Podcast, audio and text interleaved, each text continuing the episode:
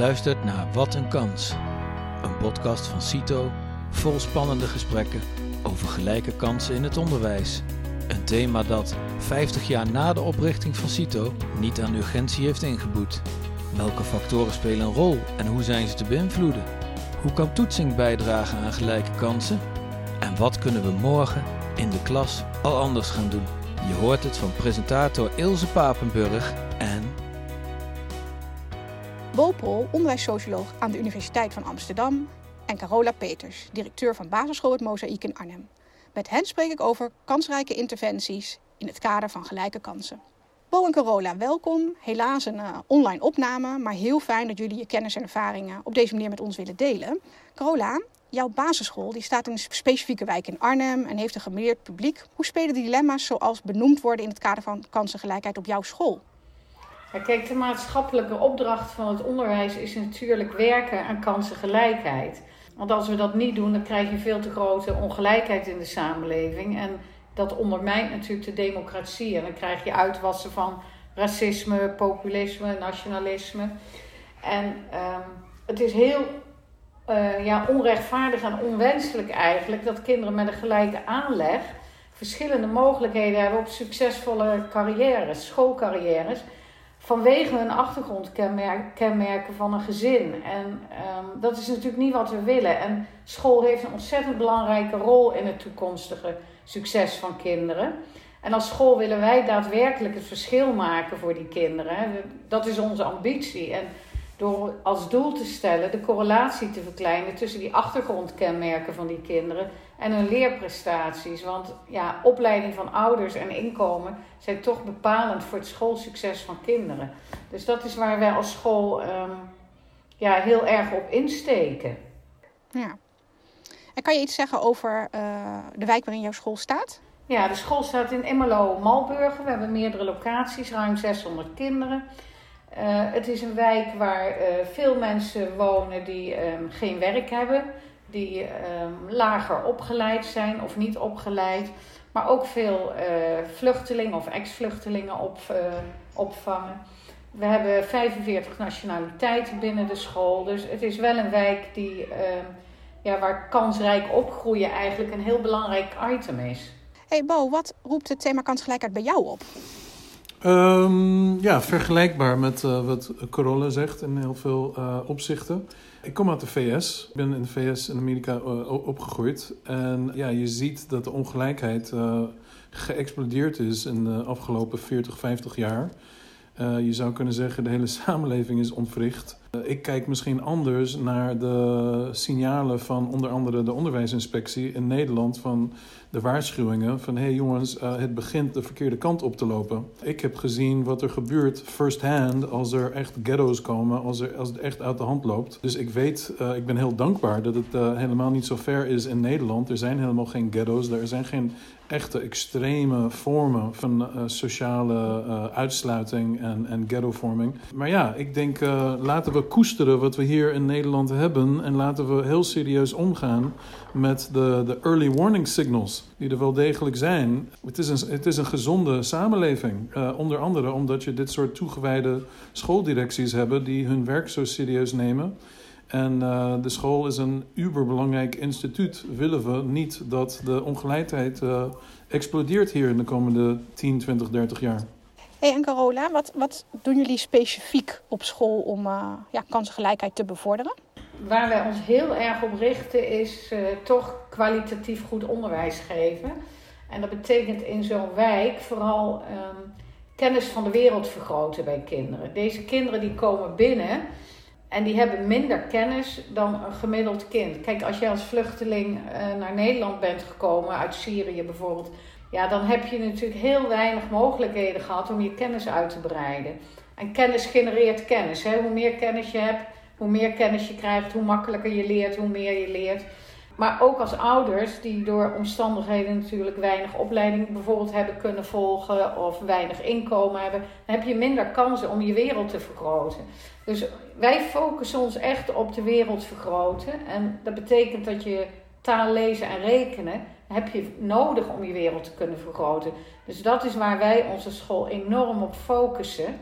En ook zorgen dat dat op de goede manier gebeurt. Want als je dat niet op de juiste manier doet, dan komen kinderen nog niet tot het leren waar je ze uiteindelijk wil brengen. En dat betekent ook dat je een gegarandeerd curriculum wil hebben, met name voor die basisvaardigheden. Maar je wil ook leerkrachten hebben die de kwaliteit kunnen bieden die nodig is. En um, even een school als de onze, wij hebben net zoveel onderwijsuren als iedere andere school. En we hebben dan wel meer geld om meer leerkrachten aan te trekken. Maar we, hebben niet, uh, we krijgen niet meer lokalen dan een gemiddelde school. We krijgen meer geld om er meer mee te doen. Maar we moeten ook wel, er moeten ook andere faciliteringen komen om daar daadwerkelijk wat mee te kunnen doen. En um, ja, kwalitatief goede leerkrachten, die kan je opleiden in je school. En dat hebben we denk ik ook wel laten zien inmiddels na zoveel jaar dat we dat ook kunnen. Want de resultaten van onze school die zijn over het algemeen goed te noemen. Dus in een wijk als onze kan je gewoon heel veel voor die kinderen betekenen. Alleen je moet wel zorgen dat die faciliteiten er zijn. En nu ook zeker met het tekort aan leraren.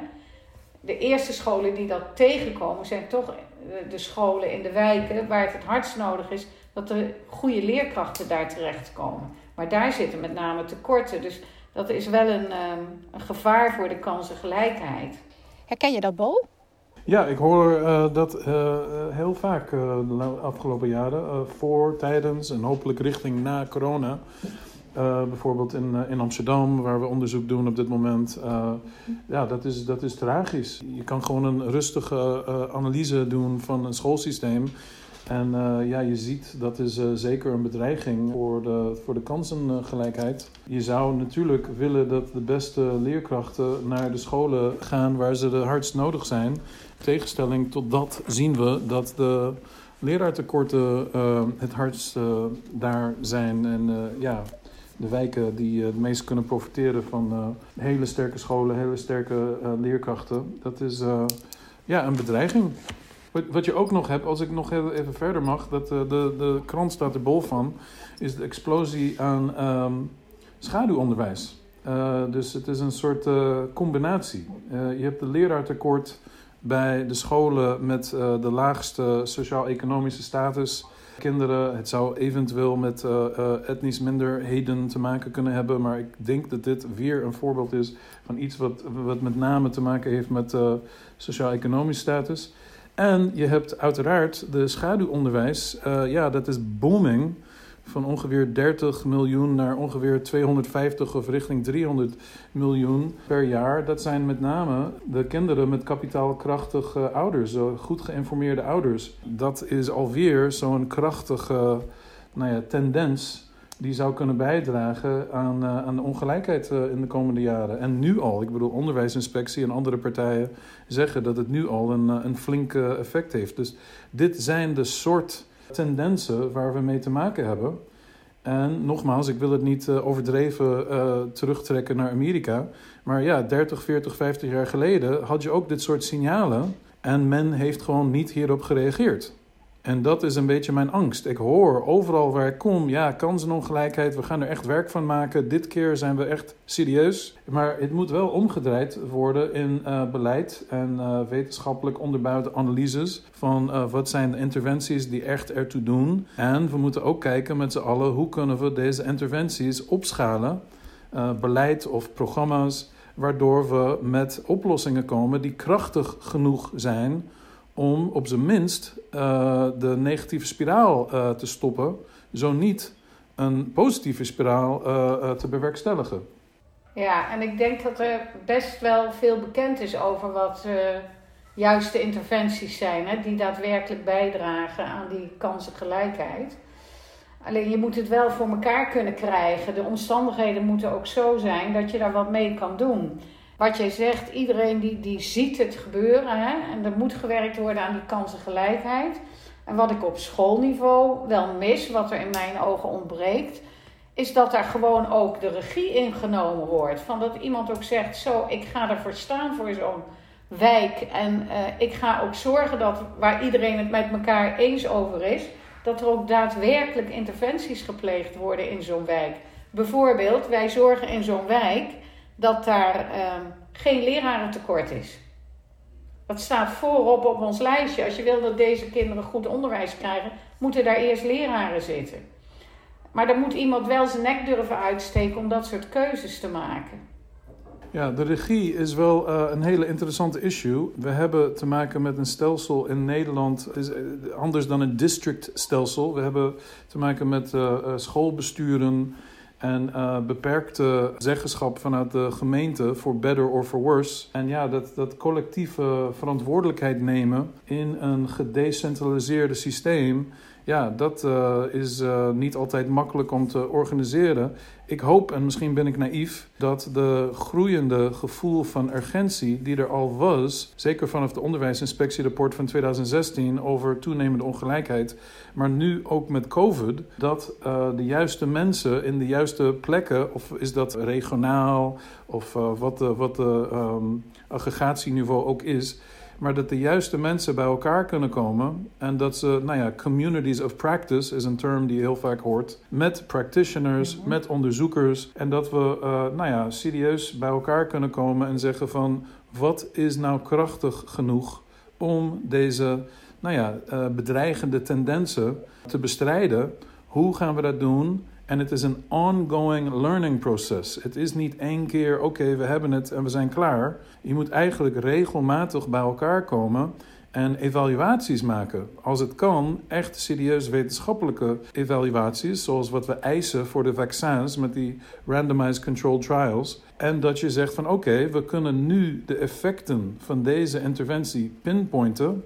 Maar laten we bij elkaar komen voor wie is deze interventie het meest geschikt? Hoe zou het eventueel aangepakt kunnen worden? Moeten we het niet verlengen met zes maanden? Dat is een ongoing zoektocht met hopelijk de juiste mensen, waardoor je kan monitoren en wat ik net zei, het ongoing leerproces. En het is inderdaad de vraag: wie gaat uh, de, dit organiseren? Wie gaat opstaan in de juiste context? Is het Arnhem? Is het uh, een bepaalde regio? Is het landelijk? Om dit soort uh, communities of practice in goede banen te leiden. Kijk, in kleine kring noem ik het dan maar even. Gewoon als school kan je als directie samen met je team, kan je daar gewoon de regie in nemen. En kan je zorgen dat het onderwijs uh, kwalitatief goed op orde is. Dus binnen die setting kan je wat. Maar het is een te kleine setting, afgezet tegen de problematiek die er is. En tot nu toe is dat altijd wel gelukt, maar ik zie dat, dat ons dat gaat wegglippen op dit moment. Doordat het te complex is en wordt. En um, ja, je er een veel bredere community voor nodig hebt. Ja, ik hoop dat, dat wij uh, onderwijssociologen, maar ook andere onderzoekers uh, een, een serieuze rol kunnen spelen. En ik hoop ook dat uh, NGO's, non-profits, stichtingen een hele belangrijke rol kunnen spelen als service providers. Um, ik hoop dat mensen vanuit gemeenten um, uh, belangrijke rollen kunnen spelen. Maar precies hoe dat vorm moet krijgen en precies wie dat moet betalen. Uh, er is nu heel veel geld, sowieso voor de komende twee jaar in het onderwijs. Je zou kunnen zeggen te veel geld. Uh, men weet niet hoe ze dat gaan uitgeven ja. binnen de komende twee jaar. En ik ben wel een beetje bang voor Wild West cowboy situaties. Zeker met privé, nou ja, um, commerciële partijen. Uh, die dan gaan van alles en nog wat gaan beloven en geen evaluaties. En dan na een paar jaar, hé, hey, waar is dat 8,5 miljard? Ja, sorry, ik weet het ook niet. En we weten helemaal niet wat opbrengst is. Dus we zouden een accountability crisis kunnen hebben over een paar jaar. De Rekenkamer heeft het al geroepen trouwens. Maar toch denk ik, nu ligt het bijna voor het oprapen. De juiste expertise bij elkaar brengen. Hey, jongens, wat zegt de wetenschap nou over evidence-based interventies. Interventies die echt zoden aan de dijk zetten. Wat resoneert hier in dit context? En misschien dat die ene schooldirecteur zegt van nou sorry, gezien de visie van onze school, dit spreekt mij niet aan. Dat die andere school daarnaast zegt van ja, hier voel ik wel iets voor. Maar dan dat je ook daadwerkelijk probeert te kijken wat is de opbrengst hiervan. Het is niet meer I've got a hunch. Nee, we gaan goed kijken waar het kan met uh, gerandomiseerde evaluaties en dan ook blijven leren daarvan. En dat is volgens mij de essentie van de zaak. Willen we met, met die, in de juiste contexten, de juiste configuraties, wetenschappelijk te werk gaan en leren van wat faalt Prima, dit werkt niet. Heel goed. Dan weten we dat dit niet werkt. Stekker eruit. Dit werkt voor de helft. Misschien kunnen we het tweaken. Misschien kunnen we dit aanpassen. Nou, dit knalt. Hoe kunnen we dit verlengen? Hoe kunnen we dit opschalen, verduurzamen? Misschien uh, uit, uh, uitbreiden bij andere scholen. Dat zijn precies de leerprocessen, nogmaals, met de juiste mensen, die we heel snel, wat mij betreft, moeten bewerkstelligen, regionaal. En dan kunnen we echt, uh, nou ja, uh, misschien in, in Groningen doen ze het anders dan in Maastricht. Maar dan kunnen we hopelijk wel met interventies komen die bewezen zijn en die daadwerkelijk sterk genoeg om deze groeiende challenges te lijf te gaan. Je moet samen eigenlijk een professionele standaard neerzetten die uh, het minimum is wat scholen moeten bieden. En daarnaast komt, er, daarna komt een stukje autonomie voor scholen. Maar die professionele standaard die moet gewoon evidence-based en informed zijn. En uh, daar is gewoon al heel veel over bekend. Dus um, dat is niet een nieuw wiel wat we hoeven uit te vinden. Maar goed, hoe je dat daadwerkelijk op de werkvloer krijgt, dat is natuurlijk wel de grootste klus. Juist die slag maken, dat vraagt veel. En dan moet je kunnen bouwen met mensen. En, dan, en dat vind ik zelf ook het, het vele geld wat er aankomt. Ja, wat moet je er allemaal mee doen? Wat daadwerkelijk effect gaat hebben. Want ik denk, als je kijkt naar ons systeem in Nederland. We moeten het toch doen met de leerkrachten die we hebben op een school. En dat zijn over het algemeen heel betrokken, bevlogen mensen. En als we daar de kwaliteit van kunnen ophogen, dan hebben we er ook op langere termijn wat aan. Dus er komt nu een hele bak geld, maar ik wil vooral in die mensen die in de basis bij mij werken, daar wil ik graag in investeren. En dat doen we nu ook al. Weet je, en op een gegeven moment zijn de, is het, uh, de chunks van de mensen zitten ook vol, om het maar even zo te zeggen. Er kan niet nog meer bij. Er wordt al heel veel gedaan aan nascholing, bijscholing. En dan denk ik, en dan krijgen we nog heel veel geld erbij. En dan? Nog meer mensen? Daar kom ik niet aan. Terwijl het om tonnen gaat voor mijn school. Dus ik, ik vind het ook een hele lastige.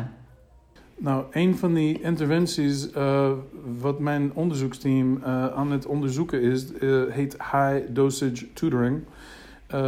Er is een, een hele scala aan onderzoeken in de VS waaruit blijkt dat dit een van de meest promising interventiestrategieën is. In Amerika, in Engeland, steeds meer in Nederland is er heel veel aandacht hiervoor. En ik, je zou kunnen zeggen extra geschikt voor scholen met een leraartekort. Maar ook vanwege COVID is er toenemende interesse hiervoor. En ja, ik zie dit als potentieel in ieder geval een verlengstuk voor de scholen. Het gaat om geïndividualiseerde één op één, één op twee uh, tutoring. Nee. Uh, ze hebben het uh, heel goed getest met rekenen wiskunde. Met een pilot hebben ze het gedaan met taal en ze bleek ook even effectief te zijn. Maar het gaat erom dat er een, een sociaal-emotioneel component is dat er dat ouderbetrokkenheid uh, erin gebakken is. Maar het is vooral geïndividualiseerde rekenen, wiskunde, begeleiding. En als, denk eh, even heel, heel rustig, als je voor de klas staat, uh, 25 kinderen. Die ene heeft een afstand van drie jaar, de andere van twee jaar, de andere van één jaar. Het is gewoon heel lastig. De ene kan iets beter individualiseren dan die andere, maar het is ook lastig, niet alleen voor de leerkracht, het is lastig voor, de, voor het kind. Als je aan het struggelen bent met basic addition en subtraction en de leerkracht heeft het over breuken of decimalen, ja, dat kan echt heel uitdagend zijn voor het kind. Een tutor die professioneel is en getraind is, die de luxe heeft, ik kan gewoon blijven met mijn kind een heel uur bij addition en subtraction, totdat zij dat onder de knie hebben, de mastery ervaring. Dat kan heel veel doen met de houding van het kind en als je het lang genoeg doet, een half jaar, een heel jaar, het is gedesigned voor een heel jaar, dan kan je dat kind weer in de klas brengen en dan zijn ze weer bij de les, letterlijk. Ze zijn up to grade level. En dat zijn de soort interventies waarvan ik zeg: hey, het is niet omdat ik een affiniteit ermee heb. Ik kijk naar de data. Ik kijk naar de kleinschalige RCT's en ik kijk naar de grootschalige RCT's. En het, blijft, het blijkt gewoon goed dat je het wel goed kan implementeren op een grote schaal. En dat je een enorme boost kan geven aan deze kinderen. En dus dat je echt ja, een verlengstuk van de, van de leerkrachten kan zijn. Dat, dit is één voorbeeld van de soort interventies waar ik het over heb. En er zijn andere. Maar dit zie ik als een, als een optie voor schooldirecties die zeggen: tenminste voor de komende twee jaar zijn we bezig met COVID en hebben we wat extra centjes. Kijk, ik vraag me wel af, past dat binnen ons systeem? Het, het is geen, niet iets wat we structureel voor elkaar kunnen krijgen. Uh, ook in duurzaamheid op lange termijn. Hè? Want zo zit ons onderwijssysteem in Nederland gewoon niet in elkaar. Um, we hadden nu natuurlijk bij de eerste COVID-ronde ook uh, best wel wat geld als school. En daar zijn we ook gaan zoeken naar mensen die wat konden betekenen. En niet zo mooi uh, in elkaar gezet als jouw programma. Maar ook een soort tutoring en dan ook nog een extra leertijd. Maar dat zijn mensen die vlieg je dan aan aan je school. Die kennen de school niet, die kennen de methodiek niet, die zitten niet in de didactiek, niet genoeg in de vakkennis. Waar, want als je een goede tutor hebt, moet hij ook goed geschoold zijn. En uh, moet hij ook kennis van zaken hebben, wil dat ze gewenste effecten hebben. Daar maak ik me wel zorgen om als ik al niet eens aan de gewone leerkrachten kan komen. Ja, de, de, je hebt helemaal gelijk dat de tutoren... die moeten heel goed weten wat de pedagogisch-didactische aanpak is van, van de school. Het laatste wat je wil is dat de tutor uh, breuken uitlegt uh, op een andere manier... dan wat ze in de klas krijgen. Dus sowieso moet er een voorbereidingstraject zijn. Dan moet het heel goed... Uh, in overleg gebeuren. Maar ja, de resultaten laten zien, ook in Nederland, dat het heel goed te doen is. En dat, uh, dat deze basiscondities nou ja, geschept kunnen worden en gewaarborgd kunnen worden. Anders heb je niet uh, de resultaten in PO en in VO die we al hebben gezien, ook in Nederland, ook met gerandomiseerde evaluaties. De vraag is inderdaad of het betaalbaar is. En wat ik steeds zie is dat er, ook voor corona, los van dat extra impuls, uh, dat er steeds meer schoolbesturen, gemeenten zijn die zeggen: joh, dit is zo uh, overtuigend. Dit ge genereert zo'n doorbraak voor deze kinderen. Ja, het is eigenlijk een no-brainer. Een paar duizend extra hier en daar geclusterd voor één jaar, dat is absoluut wel te overzien. En ja, de evidentie vanuit de VS is dat deze ene benadering, en er zijn ook meerdere, dat ze lange termijn zichzelf terugbetalen. Soms drie keer, soms tien keer. Dus er, er zijn steeds meer politici die ook inzien, meer naar rechts, meer naar links. Ja, dit is gewoon goed beleid. We zijn een rijk land. We willen dit gewoon voor elkaar. En ja, misschien moet je snijden in dingen die niet evidence-based zijn, maar even dat terzijde. If there's a will, there's a way. En ze zijn in Amerika en wij zijn ook in Nederland nu goedkopere modellen aan het testen. Juist om het toegankelijker te maken voor meerdere partijen. Ja, ik denk dat deze terechte zorgen over de, de coördinatie en de onderliggende condities. Dit zijn de, precies de soort zorgen die we in communities of practice met elkaar moeten uitspreken. En uh, ook nog roostertechnische dingen. Uh, ook nog uh, hoe, hoe communiceer je wat er gebeurt met de ouders, met de, met de school, met de rekencoördinator. Er zijn duizend en één dingen die je moet doen. maar ja, je ziet als je de condities kan scheppen en als er echt commitment is. Ja, dit soort interventies kunnen een enorme boost geven. En het kan ook ja, lange termijn effecten hebben. Je kan de traject van deze kinderen echt positief beïnvloeden dat, dat neem ik van je aan. Daar heb je toen ook cijfers van laten zien. Los daarvan denk ik van. Kijk, de mooiste interventie is dat je daar gewoon sterke leerkrachten hebt staan die de goede dingen doen. Dat is ook mijn ervaring. Ik denk, we hebben jarenlang echt wel goede resultaten gehad met deze doelgroep. En dat komt echt omdat het gewoon sterke leerkrachten zijn. En uh, die goed opgeleid zijn en de juiste interventies doen in zo'n groep. En ook weten wat er nodig is voor die kinderen. En daarnaast wat jij zegt, waar, ik denk nog steeds, waar haal je die tutors vandaan? En zeker op korte termijn. Dus als je zoiets doet, is dat meer op lange termijn, denk ik, dan dat we nu op korte termijn kunnen doen, gerelateerd aan het COVID. Want ik denk, eer je dat goed opgezet hebt, de goede mensen daar hebt zitten, joh, zijn die twee jaar alweer voorbij. Want ook mensen die dat gaan doen, moeten getraind worden en hebben oefening nodig om daadwerkelijk tot succes te komen. Uh, ja, ik zie on-the-job continuing training als een uh, uh, ja, extreem belangrijke functie van ja, jouw school, van het onderwijs. En van in, in, als het gaat over tutoring, ja, Saga Education in Amerika is de organisatie die het meest beroemd is. En The Bridge learning interventions hier in Nederland. En je zou, je zou dit soort organisaties juist als trainingsinstituten kunnen beschouwen. Het gaat, niemand is uh, uh, een geweldige tutor als ze vier weken training hebben gehad in augustus en ze moeten in september beginnen. Ik neem aan dat jij dit ook uh, regelmatig ervaart bij beginnende leerkrachten. Ik heb zelf voor de klas gestaan, drie jaar in een echte ghetto in Amerika, in de South Bronx. En ik zag gewoon zeker dat er nieuwkomers waren die het gewoon totaal overwhelmed waren. En er waren ervaren leerkrachten die ja, dat veel beter aankonden allemaal. Ik hoop dat ik in de zes jaar dat ik voor de klas heb gestaan, dat ik vooruit ging uh, enigszins. Dus ja, dat ongoing training is, is een super onderbelicht ook functie van uh, organisaties die tutoring bieden en van scholen. Interessant om hier zo uh, met elkaar bij stil te staan. Maar ja, ik zou natuurlijk niet van CITO zijn als ik ook benieuwd ben naar hoe jullie tegen de rol van toetsing aankijken in het kader van kansengelijkheid. Carola, kun je daar wat over zeggen?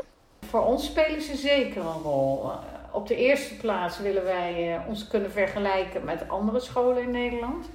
We willen weten hoe we het doen ten opzichte van. Want uh, stel dat er heel veel scholen in dezelfde situatie het veel beter zouden doen dan wij, dan denken we, we hebben nog ergens wat te halen. Daarnaast zegt het ook iets over ons eigen aanbod. En dan kan je daar natuurlijk naar gaan kijken van, hè, heb je aangeboden wat de toets vraagt? Zo nee. Wil je dat dan veranderen? Dat hoeft niet eens per se, maar je moet dat wel kunnen analyseren en dat een plek kunnen geven. En het kan ook uiteindelijk iets zeggen over de kwaliteit van de leerkracht. Dus um, op die manier gebruiken wij die gestandaardiseerde toetsen. En kunnen we daar ook zeker mee uit de voeten. Wat voor uh, ons onderwijs in toetsing eigenlijk nog veel belangrijker is, is gewoon het formatief assessment wat je dagelijks doet. Waarmee je een gegarandeerd curriculum veel beter neer kan zetten en ook veel beter in kan spelen op waar zitten kinderen op dit moment. Wat is hun behoefte op dit moment?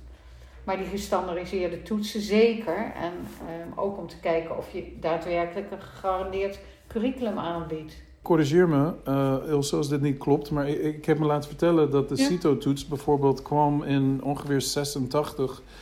Uh, en het idee was dat heel vaak uh, leerkrachten dachten van... oké, okay, jouw papa is tuinman, jij wordt vast ook tuinman. En dat hele slimme kinderen werden keihard gestuurd naar nou ja, de meeste vocational trajecten, praktijkgerichte trajecten. En dat het bedoeld was om juist een objectieve nou ja, yardstick te gebruiken, omdat er zoveel verloren talent was. Dat is ook belangrijk omdat we heel vaak hebben we het over etniciteit en migratie. Nou, in 1986 ging dat gewoon puur en simpel over sociale klassen. En dat is niet onbelangrijk. Het is niet een tool of oppression, zoals heel veel mensen het nu denken. En neoliberaal en toetsen en bla bla bla. Natuurlijk moet je niet te veel toetsen. Uh, natuurlijk moet je dat slim doen. Maar het kan een liberating gereedschap zijn ik zei het al, ik kom uit de VS. Er zijn gewoon horror stories in de VS van bijvoorbeeld Chicago in de jaren 80. En kinderen die uh, high school diplomas kregen, die gewoon niet konden lezen en schrijven en basic math. En ja, als je niet een nationaal standaard hebt op een gegeven moment, ja, wat is een high school diploma dan waard? Maar ik, ik ben het eens met Corolla, wat ze net zei over monitoring. Ik wilde één ding toevoegen vanuit de, vanuit de wetenschap. Je wil de effecten van interventies kunnen toetsen.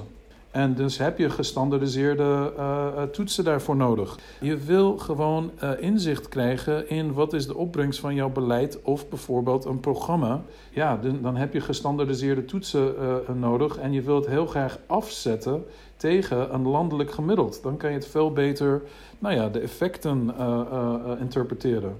Dus voor al die redenen zou ik zeggen, ja, niet te vaak, niet overdreven, maar ook niet te weinig. Dus slim toetsregimes? Waar ik wel dus in het systeem echt tegenaan loop, dat zijn uh, de tijd. Hè? Want we, we, weten kwalitatief goede leerkrachten, maar ook leertijd. Hè? Kinderen die hebben meer tijd nodig, maar we krijgen niet meer tijd. Snap je? Dus, dus het gaat er uiteindelijk om dat wij effectiever zijn dan uh, de gemiddelde school. En dat vraagt ook best wat van leerkrachten. Dus daar vind ik echt een weeffout in het systeem zitten. En dat is ook bij de facilitering, want ik krijg wel veel meer geld. Maar als ik maar recht heb op een aantal vierkante meters. Terwijl ik bijvoorbeeld wel veel meer leerkrachten kan aannemen. En ik kan klassen niet kleiner maken daardoor. Dan denk ik, ja jongens, wat zijn we aan het doen? Het is niet één geheel. Er wordt weer ergens een impuls gegeven en daar moet je het dan maar mee doen. Maar er wordt niet naar het grote geheel gekeken. En dat vind ik wel zaken waarvan ik denk, ja, die moeten eruit gehaald worden voor de toekomst. Want zo kan je niet, er, er komt een enorme bak geld extra voor, voor deze doelgroep. En dan denk ik, maar als je daar niet de dingen mee kan doen die daadwerkelijk uh, ook het verschil maken, ja, wat heb je er dan aan? Ja, helemaal mee eens. Dit is, dit is uh, nou ja, uit mijn hart gegrepen. Mede daardoor, nogmaals, ik ben een broken record. Maar kijk naar de interventies die echt zoden aan de dijk zetten.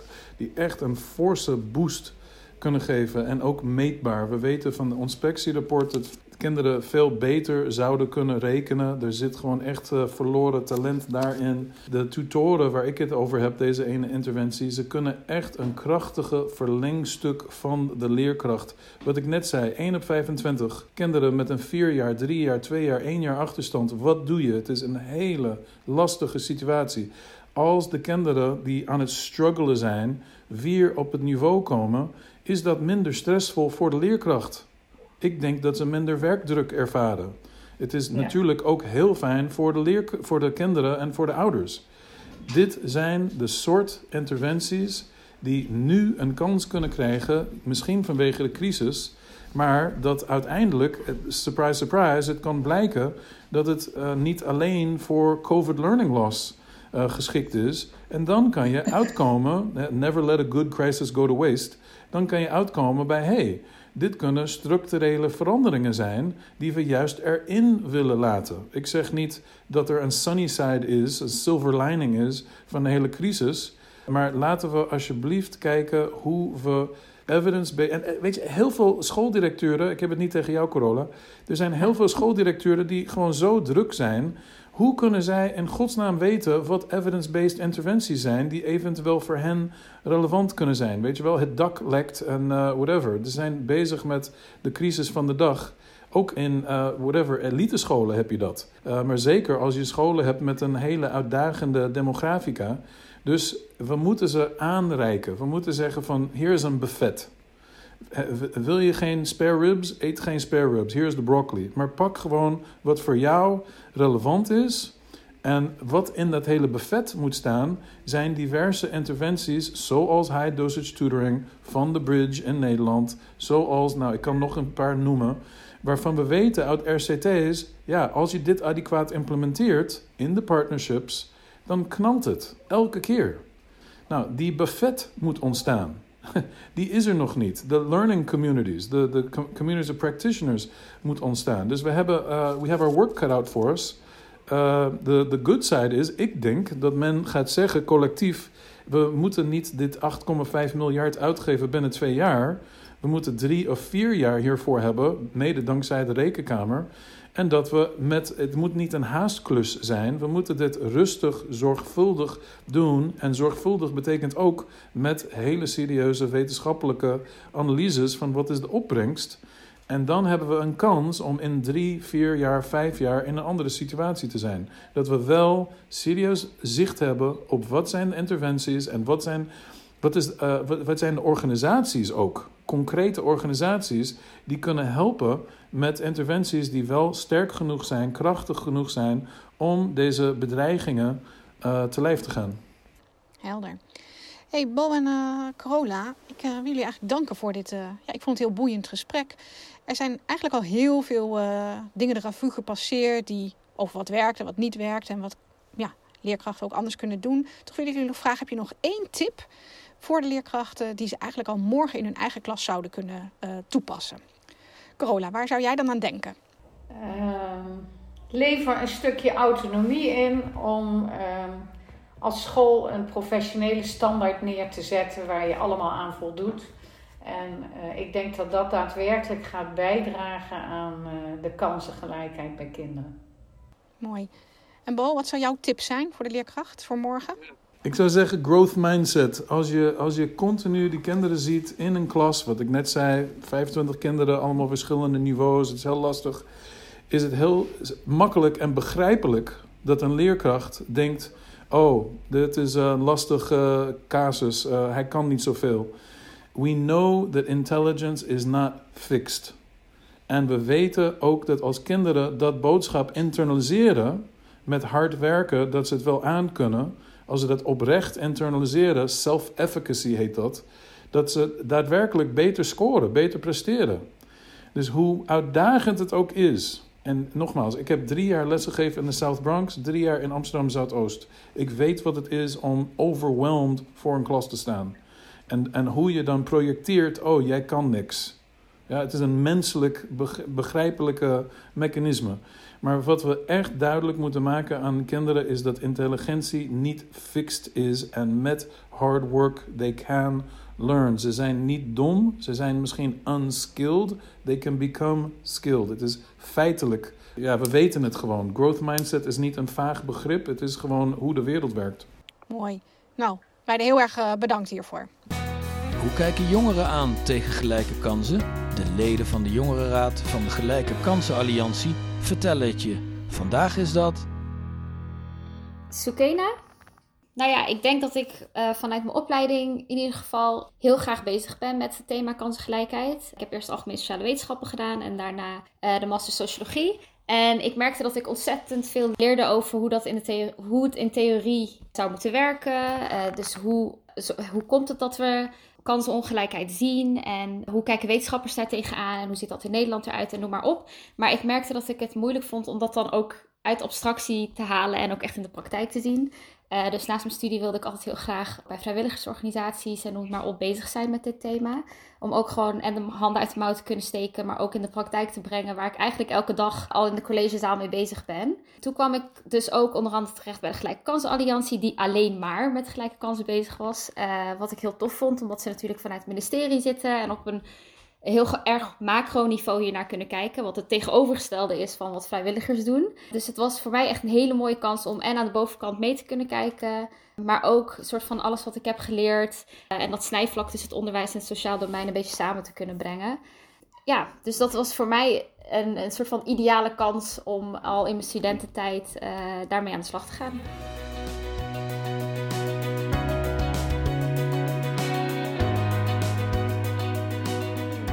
Samen met twee andere leden van de Jonge Raad zijn we uh, begonnen met het ontwikkelen van een soort van modulair programma. Waar de focus heel erg ligt op de sociaal-emotionele ontwikkeling van uh, middelbare scholieren. En we hebben geprobeerd dat in het jasje van de studiekeuze te, te stoppen. Want we gingen bij elkaar na van hè, uh, hoe waren onze ervaringen wat betreft de overstap naar het hoger onderwijs? En vonden we dat moeilijk of vonden we dat juist makkelijk? En wat maakt dat proces eigenlijk best wel pittig? Want je moet op jonge leeftijd al een best wel moeilijke keuze voor jezelf maken. En toen kwamen we eigenlijk uit op de vragen: wie ben ik, wat wil ik en wat kan ik? En zijn die vragen beantwoord op het moment dat jij je studiekeuze moet maken? De ene school doet daar net wat meer mee dan de ander. Op de ene school is de ene DK net wat meer betrokken dan de ander. Dus toen dachten we, hè, dat is eigenlijk best wel jammer. Want uh, heel, met heel veel zelfvertrouwen en het gevoel hebben dat je weet waarom je iets hebt gekozen, dat het een bewuste keuze is, dat je niet, wil, dat je niet uitvalt in je eerste jaar. Dat is helemaal niet vanzelfsprekend. En naar onze mening kwam dat dus ook heel erg door de voorbereiding die je krijgt op het moment dat je die stap moet maken en die keuze moet maken. En we zien daarnaast zagen we ook dat heel veel scholen aanvullende programma's bijvoorbeeld hebben. Uh, dat zijn, kunnen hele dure programma's zijn, dat externe partijen iets komen vertellen over hun werk of noem het maar op. En ook dat is dus simpelweg niet weggelegd voor iedere school. En we dachten, hè, hoe kunnen wij daaraan bijdragen dat je toch een programma ontwikkelt wat en duurzaam kan zijn uh, en een school zelf mee aan de slag kan gaan om toch soort van leerlingen een extra duwtje in de rug te kunnen geven richting de studiekeuze die echt het beste bij ze past. En dus vooral die vragen wie ben ik, wat kan ik en wat wil ik uh, leren beantwoorden. Ja, zijn we aan de slag gegaan met het ontwerpen van een modulair programma van twee lesdagen. Voor de pilot dan. Daarvoor hebben we gastsprekers uh, uh, geregeld. Dus het zou een soort van masterclass worden, waar je en reflectieve opdrachten gaat doen.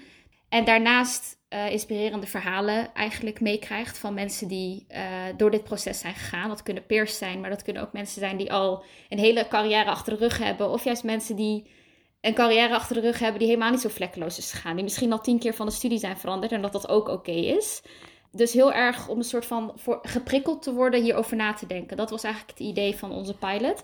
Omdat je die prikkeling misschien heel, heel minimaal kan zijn. Uh, de ene ouder die is daar heel heel graag heel veel mee bezig. Dus die gaat al vanaf de derde of vierde klas met je mee naar open dagen. En uh, is misschien zelf ook hoog opgeleid. En kan je heel veel vertellen over hoe het eraan toe gaat op het HBO of op het MBO of wat dan ook. En een andere ouder, uh, daar is het ook een raadsel voor. En hoe zorg je er dus voor dat je dat binnen de school opvangt? Door ze alsnog die verhalen mee te geven dat extra zelfvertrouwen te geven, de extra informatie te geven, simpelweg over hoe het onderwijs eruit ziet. Daar wilden we dus een programma voor ontwerpen. En dat hebben we gedaan.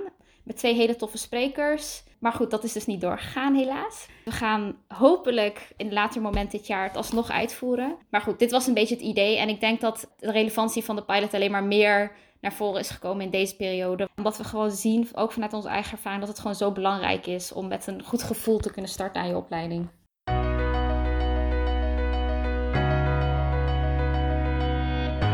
Je luisterde naar Wat een Kans. Vond je dit een boeiende podcast? Vertel het dan aan je collega's. Heb je zelf tips of ideeën om gelijke kansen in het onderwijs te bevorderen?